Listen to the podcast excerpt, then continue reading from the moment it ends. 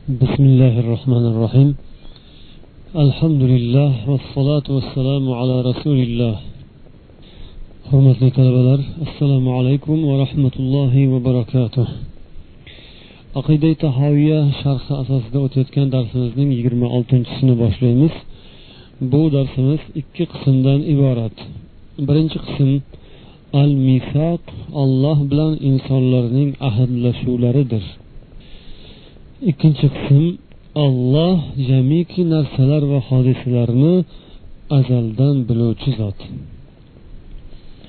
Birinchi qism darsimiz al misoq haqidagi oyat va hadislar.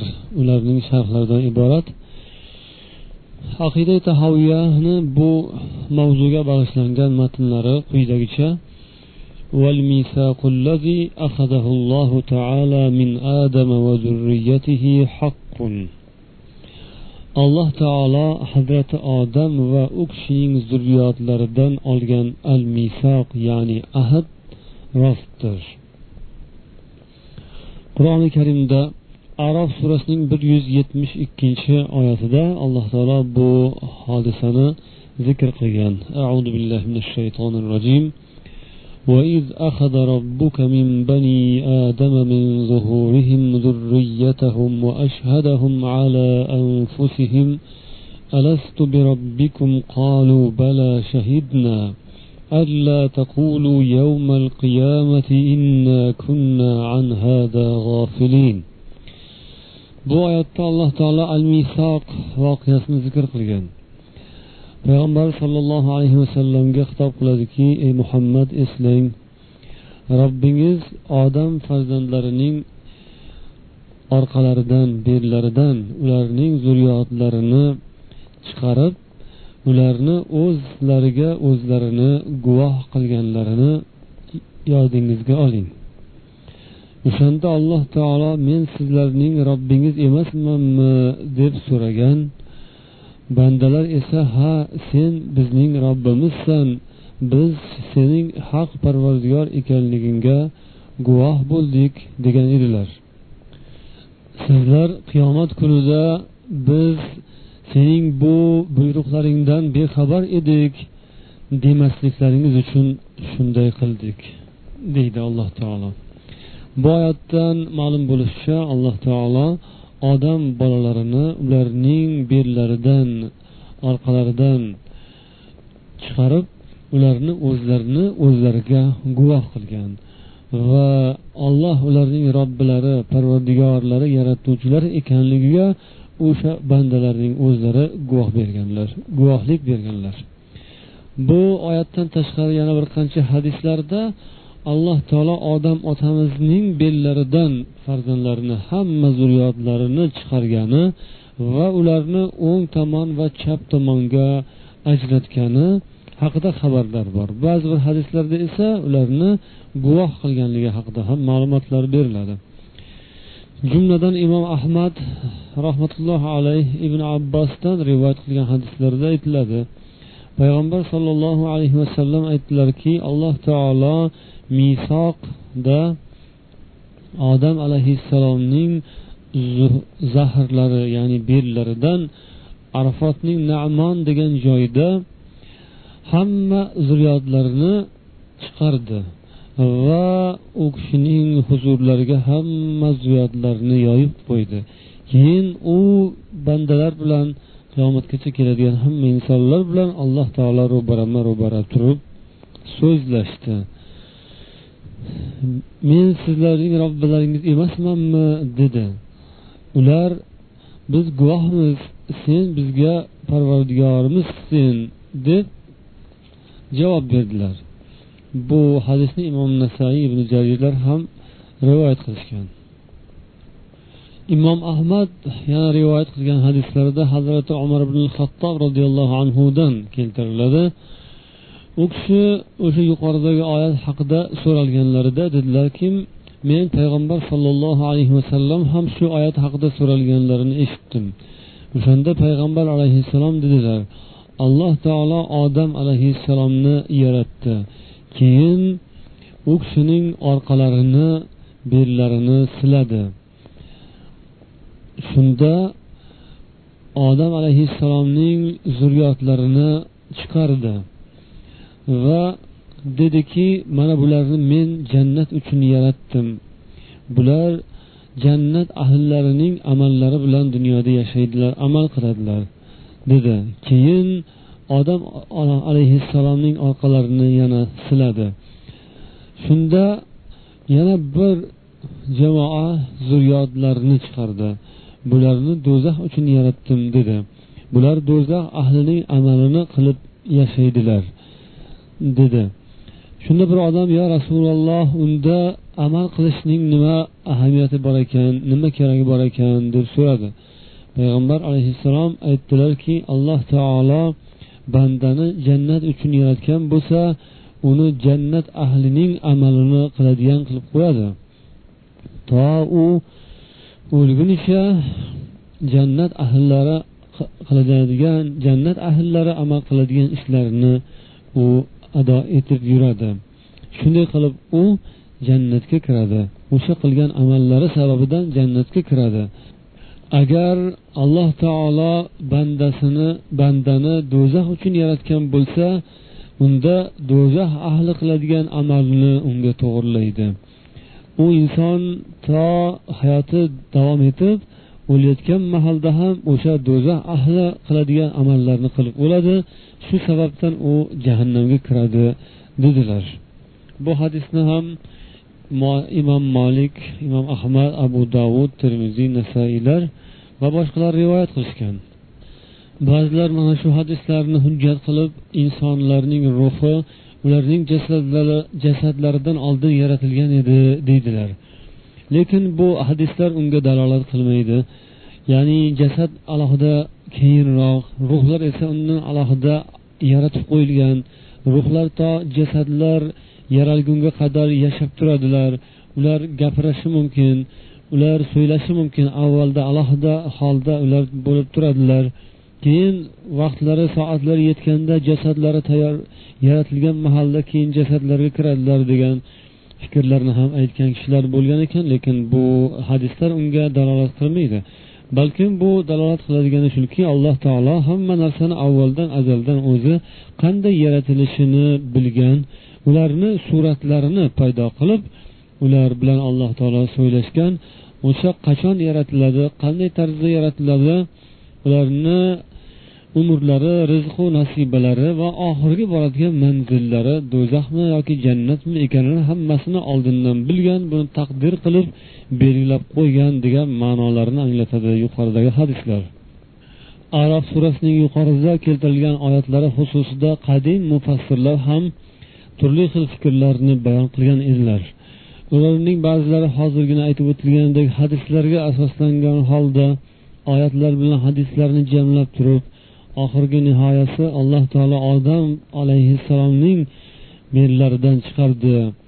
Barcha insonlarni keyin bir birlaridan chiqarib hammalarini to'plab o'sha misoq voqeasi sodir bo'ldi.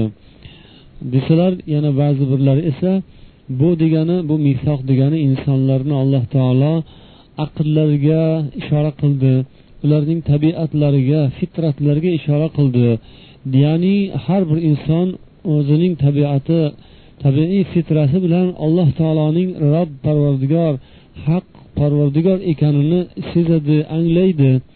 Insonlarni o'z aqllariga qoldirilsa ularga biron bir moniylik tashqaridan bir qarshilik ko'rsatilmasa ularning hammalari ham kimligidan qat'iy nazar albatta alloh taolo yaratuvchi zot bor ekaniga ular iqror bo'ladilar. Bu yerda o'sha men sizlarning robbingiz emasmanmi? deganda ular ha sen bizning robbimizsan dedilar deb aytilgani bu go'yoki hol tili bilan bo'lgandek.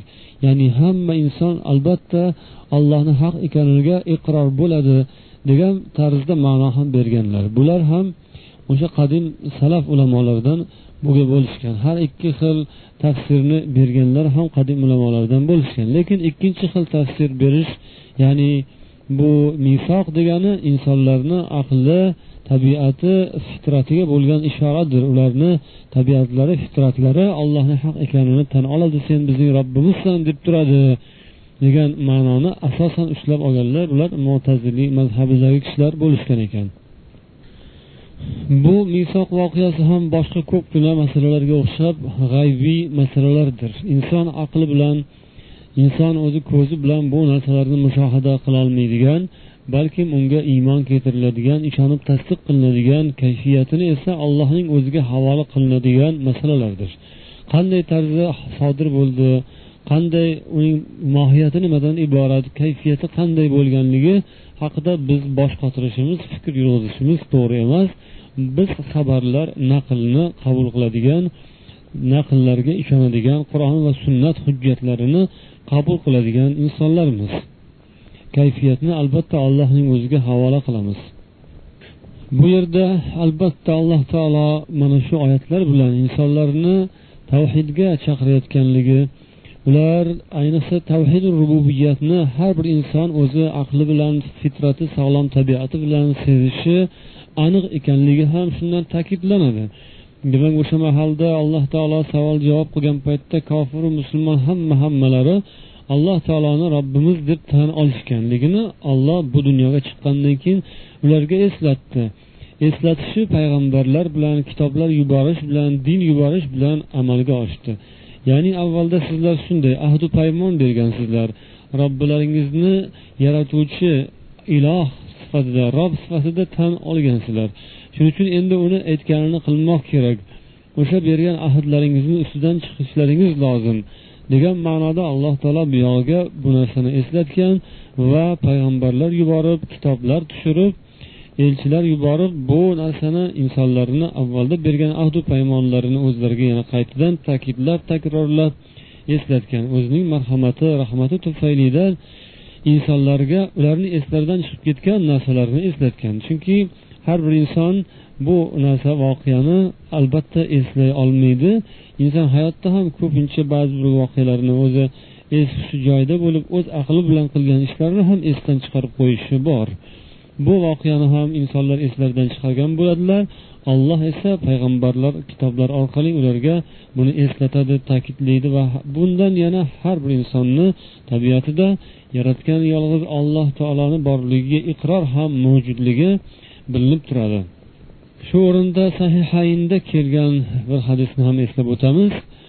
Alloh taolo u yerda qiyomat kuni do'zax ahlidan bo'lgan bir insonni keltirib u bilan savol javob qilganligini eslanadi shunda alloh taolo deydiki u do'zax ahlidan bo'lgan insonga agar yer yuzida hamma narsalar seniki bo'lib qolib hozir mana shu holatingdan qutulishing uchun o'sha hamma narsangni berishga rozi bo'larmiding deganda u odam ha deb javob beradi. Ya'ni olamda hamma narsa meniki bo'lsayu yer yuzidagi barcha narsalar hammasini agar shu berib shu do'zaxdan qutulsam qutular edim shu narsani qilar edim deb orzu qilar ekan.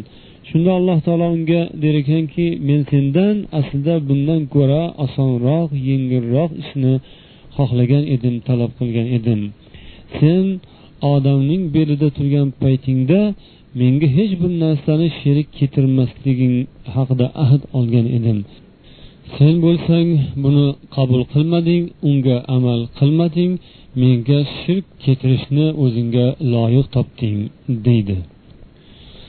Endi darsimizning ikkinchi qismiga ko'chamiz. Bu olloh jamiki narsalar va hodisalarni azaldan biluvchi zot deb nomlanadi aqida tahoviyani bu boradagi matnlarini o'qishda davom etamiz وقد علم الله تعالى فيما لم يزل عدد من يدخل الجنة وعدد من يدخل النار جملة واحدة فلا يزاد في ذلك العدد ولا ينقص منه وكذلك أفعالهم فيما علم منهم أن يفعلوه وكل ميسر لما خلق له والأعمال بالخواتيم والسعيد من سعد بقضاء الله والشقي من شقي بقضاء الله bu matnlarning tarjimasi quyidagicha alloh taolo avval azalda jannatga kiradiganlarning sonini ham do'zaxga kiradiganlarning sonini ham barchasini birday juda yaxshi bilgan. Endi bu borada o'sha hisob o'zgartirilmaydi. Unga hech narsa qo'shilmaydi ham undan biror narsa olinmaydi ham. Shuningdek bandalar sodir etadigan fe'l va harakatlar alloh ilmida qanday bo'lsa o'shanday zohir bo'ladi. Har bir banda nima uchun yaralgan bo'lsa o'shanga eltadigan vosita va sabablar unga oson etib qo'yiladi. Amallar oxiriga qarab baholanadi. Baxtli kishi allohning hukmi qazosi bilan baxtli bo'lgan. Baxtsiz kimsa ham allohning hukmi qazosi bilan baxtsiz bo'lgandir. Bu matn avvalgi matnni albatta uzviy davomi desak bo'ladi chunki mavzular bir birini davom ettiradi. Undan tashqari bu qadar masalasiga ham taalluqli bo'lgan mavzu avvaldagi darslarimizda ham bu haqda ba'zi bir jihatlarni ko'rib o'tganmiz. Endi yana shu qadar haqidagi tasavvurlarimiz inshaalloh kengayib to'liqroq bo'lib borishi uchun bu matnlarni ham yaxshilab o'rganadigan vaqtimiz yetdi. Qur'oni karimda alloh taolo anfal surasi yetmish beshinchi oyatida albatta alloh taolo hamma narsani juda ham yaxshi biluvchi zotdir degan ahzob surasida qirqinchi oyatda yoki maryam oltmish to'rtinchi oyat mana shunga o'xshagan bir qator oyatlarda alloh taolo hamma narsani avvaldan azaldan yaxshi biladigan zot ekanligi u hech qachon esdan chiqargan emasligi biror bir narsa alloh taolodan maxfiy qoladigan yashirinib qoladigan bo'lishi aslo mumkin emasligini bilamiz. Alloh taolo demak hamma narsani azaliyu abadiy biluvchi zotdir. Bilishini ilmining avvali ham yo'q. Ya'ni avval yo'q deganimiz ma'lum bir muddat bilmay turgan undan keyin biladigan bo'lib qolgan degani emas. Alloh o'zi azaldan mavjud uning ibtidosi yo'q shunga o'xshab uning sifatlari ham o'zi bilan birga azaldan mavjud. Ilm sifati alloh taolo bilan birga azaldan mavjud. Demak alloh hamma narsani barcha jihatlari bilan nozik tomonlarigacha umumiyu tafsiliy jihatlari bilan mukammal biluvchi zot. Bu bilishining avvali yo'qdir. U azaliy zotdir azaliy biladigan zotdir. Va u abadiy biladigan zot hamdir. Ya'ni boshqalarni insonlarni masalan ilmlari ma'lum bir muddatgacha davom etib keyin eslaridan chiqib qolishi mumkin. Yoki keksayganlarida biroz xotiralari zaiflashib qolishi mumkin. Ammo alloh taoloda esa undoq emas uning ilmi abadiydir. U biror marotaba esdan chiqarib qo'yishi yoki undan ba'zi bir narsalar g'oyib bo'lishi keyinchalik yo'q bo'lishi uning ilmidan o'chirib o'chirilib ketishi aslo mumkin emasdir. Hazrati ali ibn abi tolib roziyallohu anhu deydilar biz bir kun g'arqad baqi al g'arqad qabristonida bir janoza bilan birga hozir bo'ldik. Shunda payg'ambarimiz sollallohu alayhi vasallam kelib o'tirdilar. Biz ham u kishining atroflarida o'tirdik deydilar.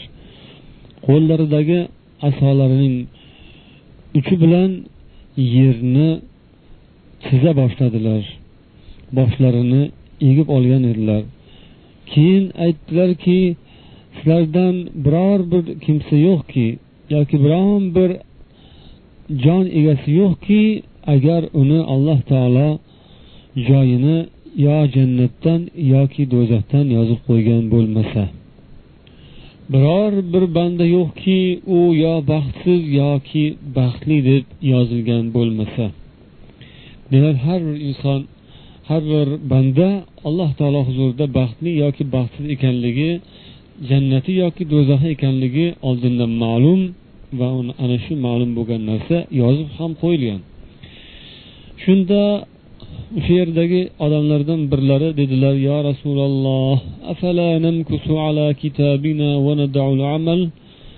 undoq bo'lsa o'sha yozuvga asoslanib hayotimizni davom ettiraversak va amal qilishni qoldirsak ham bo'ladimi? dedi. Payg'ambar alayhissalom aytdilarki فقال من كان من أهل من كان من أهل السعادة فسيصير إلى عمل أهل السعادة. ومن كان من أهل الشقاوة فسيصير إلى عمل أهل الشقاوة. ثم قال اعملوا فكل ميسر لما خلق له. أما أهل السعادة فييسرون لعمل أهل السعادة وأما أهل الشقاوة فسييسرون لعمل أهل الشقاوة payg'ambar alayhissalom aytdilar kimki saodat ahlidan baxtli kishi bo'lsa saodat ahlidan bo'lsa u saodat ahlining amaliga qarab burilib boradi kimki shaqovat ya'ni baxtsizlik ahlidan bo'lsa u tezda baxtsizlar qiladigan amal tomonga qarab boradi. Dedilar keyin yana aytdilarki ey musulmonlar sizlar amal qilaveringlar. Chunki har bir inson nima uchun yaralgan bo'lsa u o'sha joyga eltadigan vositalar yoki sabablarga muyassar etiladi. Ya'ni kimki jannatga boradigan bo'lsa jannat ahlidan bo'lsa jannat ahli qiladigan ishlar unga oson qilib qo'yiladi.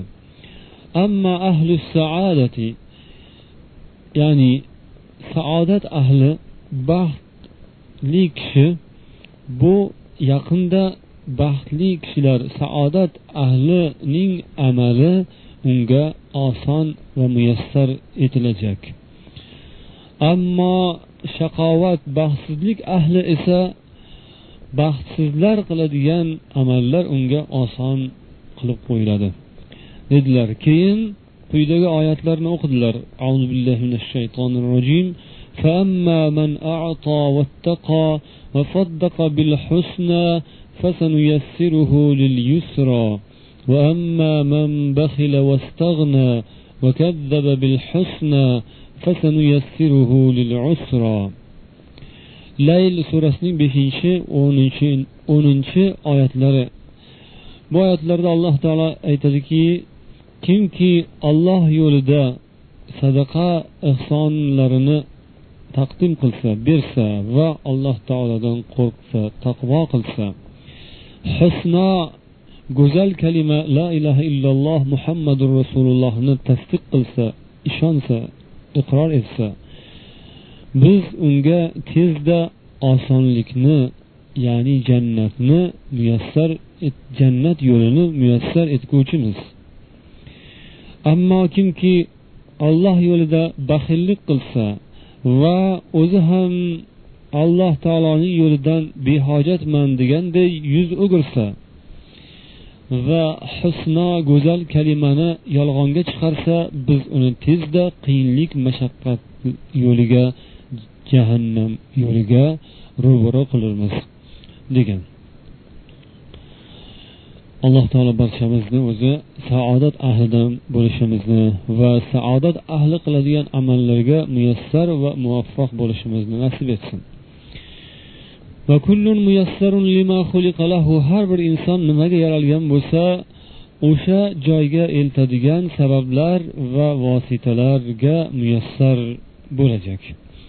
Amallar o'zining oxiri bilan baholanadi. Degan matnni ham o'tdik. Bu o'rinda yana imom muslim rivoyat qilgan ushbu hadisni ham keltirib o'tish joizdir.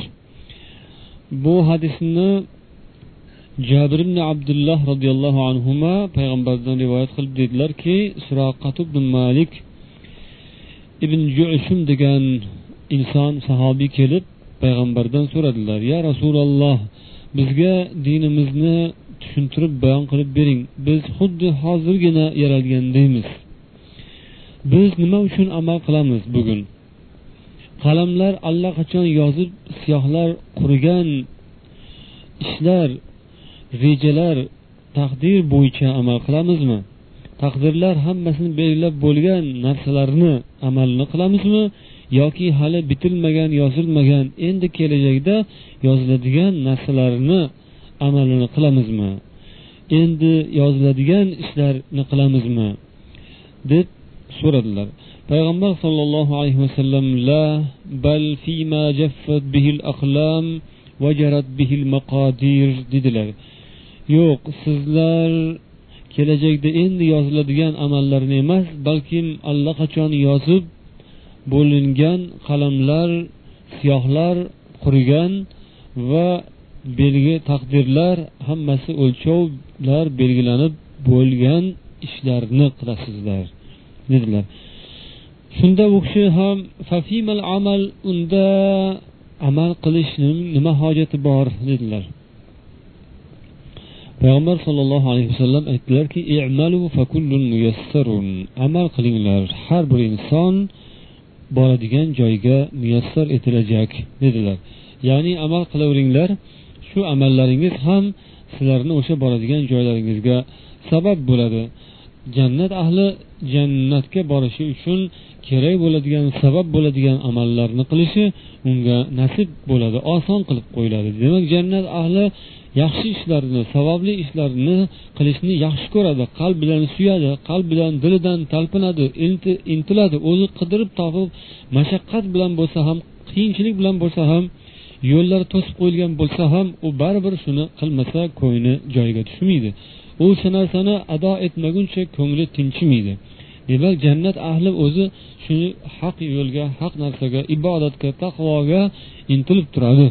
Do'zax ahli esa u o'sha do'zax ahli qiladigan ishlarni yaxshi ko'radi o'shanga intiladi uni to'xtatib qo'ysa ham qidirib topib bo'lsa ham u qiladi. Yana sahihayn ya'ni imom buxoriy va muslimning kitoblarida sahih kitoblarida rivoyat qilingan bir hadisni ko'rib o'tamiz. Bunda payg'ambar sollallohu alayhi vasallam dedilarki إن الرجل ليعمل عمل أهل الجنة فيما يبدو للناس وهو من أهل النار وإن الرجل ليعمل عمل أهل النار فيما يبدو للناس وهو من أهل الجنة bir odam jannat ahli qiladigan amallarni qilib boradi odamlarning ko'zida u jannati odamdek amal qilib boradi aslida esa u do'zax ahlidan bo'ladi Yana bir odam odamlarning ko'zida do'zax ahli qiladigan amallarni qilib boradi. U aslida jannat ahlidan bo'ladi dedilar. Imom buxoriy rivoyatlarida bir ziyodasi bilan kelganki amallar oxiriga qarab baholanadi. Demak haligi insonlarning qilayotgan amallarining oxiri o'sha asl boradigan joylariga mos bo'lib qoladi. Ba'zi bir inson odamlarni ko'zida judayam yaxshi inson taqvodor pokiza jannati odamga o'xshab jannatilar qiladigan amallarni qiladiyu lekin aslida do'zax ahlidan bo'ladi. Oxirida o'sha yomon ishlarni qilishga o'tib ketadi. Ba'zi odam esa yomon ishlarni qilib yuradi odamlarni ko'zida do'zax ahli qiladigan ishlarni qilib oxirida u jannatilarni qiladigan ishiga o'tib xudo insof berib yaxshi tomonga ham o'zgarib ketib qoladi. Demak bundan yaxshi amal qilayotganlar ham o'zidan xotirjam bo'lmaslik kerakligi anglashiladi yomon amal qilayotganlar ham umidsizlikka tushmasliklari kerak. Ularni ham yaxshi yo'lga da'vat etib taklif etish lozim ekanligi chiqadi. Ular ham yaxshi odamlar bo'lib ketishlari ehtimoldan xoli emasligi ma'lum bo'ladi. Ushbu hadis buxoriy va muslim va imom ahmad rivoyat qilgan hadis uzun hadisni yana boshqa imomlar ham rivoyat qilishgan uzun hadisni oxirgi qismi bir parchasi edi. O'sha hadisda payg'ambar sollallohu alayhi vasallam va sahobalari kunlardan bir kun mushriklar bilan to'qnash kelib qattiq jang qilganlari haqidagi xabar bilan boshlanardi. Jang tugab biroz tinchib payg'ambar sollallohu alayhi vasallam o'z askarlari tomonga mushriklar ham o'zlarini askarlari tomonga qaytardilar. Payg'ambarimiz sollallohu alayhi vasallam sahobalari ichlarida bir inson bor edi. U hech bir narsani qoldirmasdan dushmanlarini kattayu kichigini qoldirmasdan dodini ta'zirini berar edi. Undan hech bir mushrik qochib qutulolmasdi. Shunda sahobalar bu insonning pahlavonligiga qoyil qolib bugun hech birimiz mana shu palonchi kabi jang qilolmadi. Bu qilgan ishni hech qaysimiz qilolmadik deyishdi. Rasululloh sollallohu alayhi vasallam esa ey bilinglar u odam do'zax ahlidandir dedilar. Shunda bir odam qavmdan bir odam o'zicha men bu bilan bir birga bo'layin buni bir kuzatayinchi nima uchun payg'ambarimiz bundoq dedilar? deb taajjublanib haligi inson bilan uning keyinidan qolmasdan birga yurib kuzata boshladi. Qayerga borsa borardi o'tirsa o'tirib tursa turib keyindan qolmasdan uni har bir ishini kuzatib borardi. Chunki payg'ambar sollallohu alayhi vasallam bekorga bu so'zni aytmaganlar. Demak buning tagida bir gap bor buni bir siri bo'lsa kerak deb u inson kuzatib boshladilar. Janglarning birida ham yonma yon jang qilishdi kofirlarga qarshi. O'sha janglarda haligi odam judayam qattiq jarohatlandi. Jarohati yarasi shunday qattiq ediki u uning azobiga dosh berolmay qoldi. O'zi jarohatiga dosh berolmasdan musulmonlarni payg'ambarni sollallohu alayhi vasallamni ham oldilariga kelmasdan kelolmasdan u o'sha o'rinda hech kim kutmagan bir ishni qilib qo'ydi. Ya'ni u qilichni yerga sopini yerga tirab tig'ini ko'kragiga qo'ydida birdaniga bor kuchi bilan o'zini shu qilichni tig'ini ustiga tashladi. Yuragiga to'g'irlab turib ko'kragiga to'g'irlab turib o'zini qilich ustiga tashlab o'zini o'zi o'ldirdi. Bu xabar rasululloh sollallohu alayhi vasallamga yetgandan keyin o'sha yuqoridagi so'zlarni aytgan ekanlar. Ya'ni innar rajul layamalu amala ahli jannati fima yabdu linnas va huwa min ahli nar ha shunday odam ham bo'ladiki u odamlarning ko'zida xuddi jannat ahliga o'xshab jannat ahli qiladigan amallarni qilib boradi aslida esa u odam do'zax ahlidan bo'ladi dedilar. Ya'ni bu deganlari uni darhol kofirga chiqarish hukmi emasdir deydilar shorihlar. Odam kofir edi degan hukm chiqmaydi lekin jannat do'zax ahli degani do'zaxga kiradigan odam degani. Balkim u do'zaxdan yana qaytib chiqishi mumkindir. Ya'ni qilgan gunohlariga yarasha azoblangandan keyin qaytib chiqishi ham mumkindir degan ehtimol ham bu yerda yo'q emas. Ammo bu mavzudan ko'zlangan maqsad shuki insonlar oqibatlari qanday bo'lishini o'zlari bilmaydilar. Shuning uchun o'zlariga ular ehtiyot bo'lishlari kerak. Hayotda demak taqvo bilan siroti mustaqimda mustahkam turish juda ham mashaqqatli ish. Bunga ham sabr toqat bardosh kerak bo'ladi. Inson dinda mustahkam turib jannatga erishgunga qadar qancha ishlar boshidan o'tadi qancha narsalarni kutilmagan voqealarni ustidan chiqib qoladi o'shanday paytlarda o'zini yo'qotmasdan dovdirab qolmasdan yaxshilikka shukur bilan yomonlikka qattiqlikka sabr bilan o'tish bu judayam og'ir mashaqqatli narsa. Ilohim alloh barchamizni shu mashaqqatlardan eson omon o'tishimizni nasib etsin. Ba'zi inson yaxshilikni ko'tara olmaydi ba'zisi yomonlikni ko'tara olmaydi. Yaxshilikni ko'rib ham yaxshilik tufaylidan ne'mat tufaylidan ham adashib ketadiganlar bor. Yomonlikka chiday olmasdan qattiqlikka chiday olmasdan adashib ketadiganlar ham uchrab turadi. Ilohim alloh taolo barchamizga yaxshilik ato qilsin yaxshilikka shukur qiladigan qattiqlik kelib qoladigan bo'lsa unga sabr toqatli bardoshli bo'ladigan insonlardan bo'lishimizni alloh nasib etsin. Yana sahihaynda kelgan bir hadisni ko'rib o'tamiz. Bu abdulloh ibn masud roziyallohu anhudan rivoyat bo'ladi. Payg'ambar alayhissalom dedilarki sizlarning har birlaringiz ona qornida qirq kun davomida uni xalqi yaratilishi amalga oshiriladi. U ona qornida alaqa ivigan qon holatida bo'ladi keyin tishlangan go'sht holatiga o'tadi. Undan keyin farishta yuboriladi. Unga bir farishta yuboriladi farishta kelib unga ruh jon puflaydi. Jon kiradi. U ona qornidagi homilaga. Shunda farishtaga to'rtta kalima yozish buyuriladi. Bu kalima o'sha insonning rizqi haqida ajali ya'ni umri muddati haqida va dunyoda qiladigan amali haqida va to'rtinchisi u baxtsiz yoki baxtli ekanligi haqida bo'ladi. Undan boshqa xudo yo'q bo'lgan zotga qasamki sizlarning ishlaringizda shunday kishilar ham bo'ladiki ular jannat ahli qiladigan amallarni qilib boradilar to ular bilan o'sha inson bilan jannat o'rtasida bir quloch yoki bir gaz masofa qolgunga qadar shu holat davom etadi. Jannatga bir quloch qolgan paytda kitob ya'ni yozuv ishga tushadi shu yozuvdagi narsa sodir bo'ladi.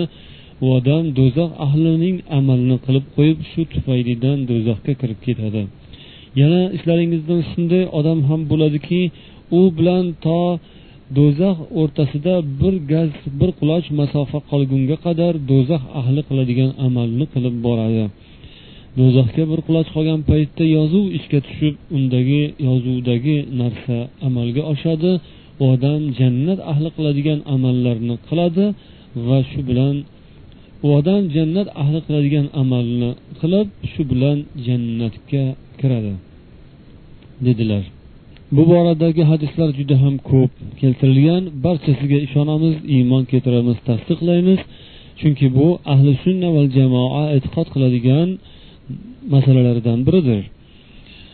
Lekin ahli kalomlar mutakallimlar bu haqda ko'p gaplarni paydo qilganlar motazilalar ham bu narsani ular qabul qilishmagan uni inkor etishgan. Ammo ahli sunna alhamdulillah biz barchamiz bu xabarlarni tasdiqlaymiz iymon keltiramiz ishonamiz. Barchamizga alloh taolo o'zi madad quvvat ato qilib haq yo'lda jannat yo'lida sobit qadam qilishni oxirgi manzilimiz jannat bo'lishini nasib etishini so'rab qolamiz. Subhanakallohumma va bihamdik. أشهد أن لا إله إلا أنت أستغفرك وأتوب